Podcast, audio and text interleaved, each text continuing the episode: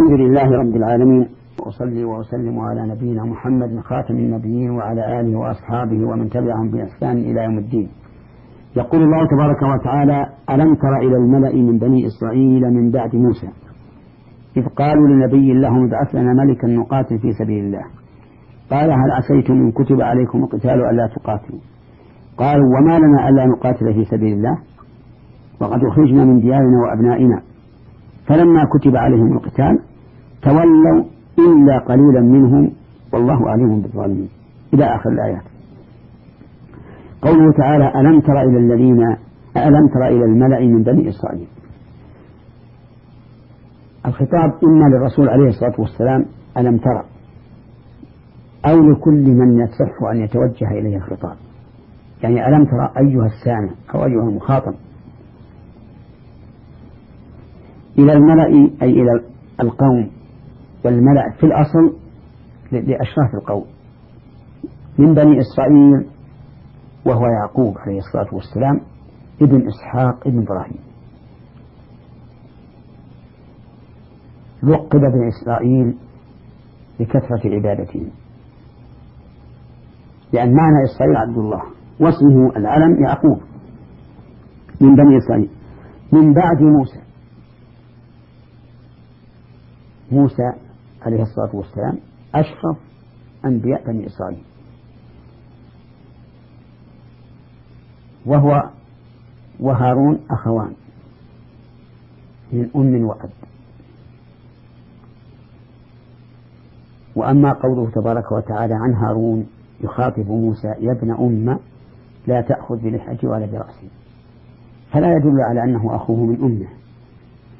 لكنه لما كانت الرأفة والحنان في الأم أكثر من الأب خاطبه فقال يا ابن أم.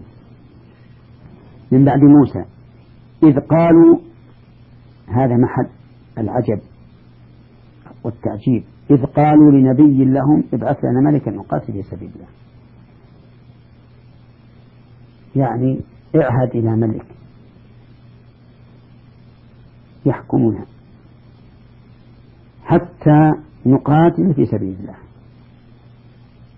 أي حتى نجاهد في سبيل الله. قال لهم هل عسيتم إن كتب عليكم أن لا تقاتلوا؟ يعني أنه يخشى عليهم إن كتب عليهم القتال ألا يقاتلوا. قالوا وما لنا ألا نقاتل في سبيل الله؟ يعني أي شيء يمنعنا من القتال في سبيل الله؟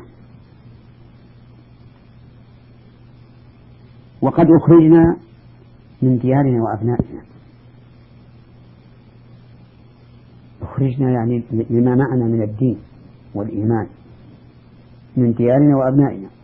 فلا بد أن نقاتل لنخرج الذين أخرجونا من ديارنا وأبنائنا. كما قاتل النبي صلى الله عليه وسلم أهل مكة الذين أخرجوه وأخرجوا من معه من ديارهم وأموالهم. فلما كتب عليهم القتال يعني فرض وأتاهم الملك. تولوا.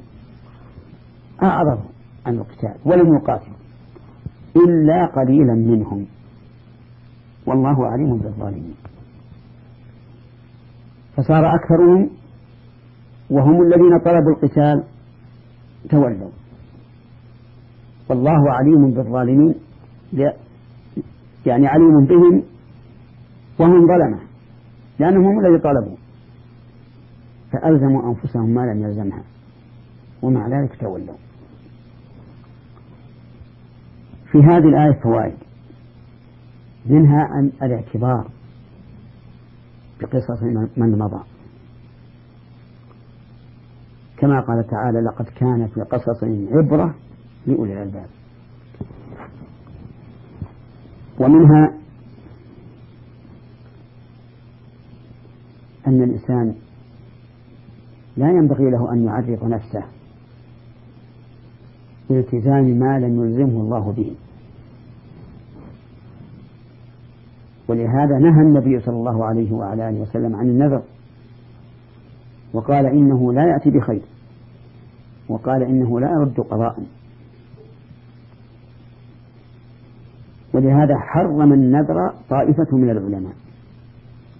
وقالوا يحرم على الإنسان أن ينذر حتى ولو كان مريضا ونذر أن عافاه الله أن يتصدق.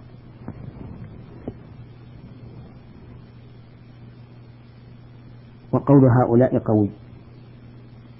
أعني تحريم النذر. قوي. جدا. لأن الله تعالى بل لأن النبي صلى الله عليه وسلم نهى عنه وعلل النهي. ونفى أن يكون فيه خير. ونفى أن أن يرد القضاء. ما أراده الله عز وجل فسيقع سواء نذرت أم لم تنذر. ولهذا قل من نذر إلا ندم وما أكثر الذين يسألون ويلحون في السؤال تجدهم نذروا. ويحبون أن يتخلصوا ولم يتمكنوا. منهم من ينظر أن يصوم شهرين أن يصوم سنة أن يصوم الدهر كله. ومنهم من ينظر أن يذبح بعيرا أو بعيرين أو ما أشبه ذلك. من الأمور التي يندمون أن نذروها. وقد قال النبي صلى الله عليه وعلى آله وسلم من نذر أن يطيع الله فليطيعه وليحذر الإنسان إذا نذر لله تعالى طاعة في مقابلة نعمة ليحذر من الإخلاف وليتذكر قول الله تعالى ومنهم من عاهد الله فإن آتانا من فضله لنصدقن ولنكونن من الصالحين. فلما آتاهم من فضله بخلوا به وتولوا وهم معرضون فأعقبهم نفاقا في قلوبهم إلى يوم يلقونه بما أخلفوا الله ما وعدوه وبما كانوا يكذبون. فالمسألة خطيرة. وإني من هذه الحلقة أحذر إخواني المسلمين من النذر. وأقول إذا كنتم مرضى فادعوا الله تعالى بالشفاء وإذا كنتم فقراء فادعوا الله تعالى أن يغنيكم. أما أن تنذروا لله وكأنكم تظنون أن الله لا يعطيكم إلا إذا شرفتم له؟ سبحان الله وما أصدق رسول الله صلى الله عليه وعلى آله وسلم حيث قال إنه لا يرد قضاء أنت أيها المريض إن كان الله أراد لك شفاء شفيت نذرت أن لم تنذر؟ وإن لم يقدر الله لك الشفاء لم لم تشفى سواء نذرت أم لم تنذر. وانظر إلى هؤلاء الملأ لما طلبوا ملكا ليقاتلوا معه في سبيل الله ثم حصل ذلك وكتب عليهم القتال تولوا. نسأل الله لنا ولكم السلامة والعافية وأن يرزقنا امتثال أوامره واجتناب نواهيه من غير نذر ولا إقسام. وصلى الله وسلم على نبينا محمد وآله وصحبه أجمعين وإلى حلقة قادمة إن شاء الله.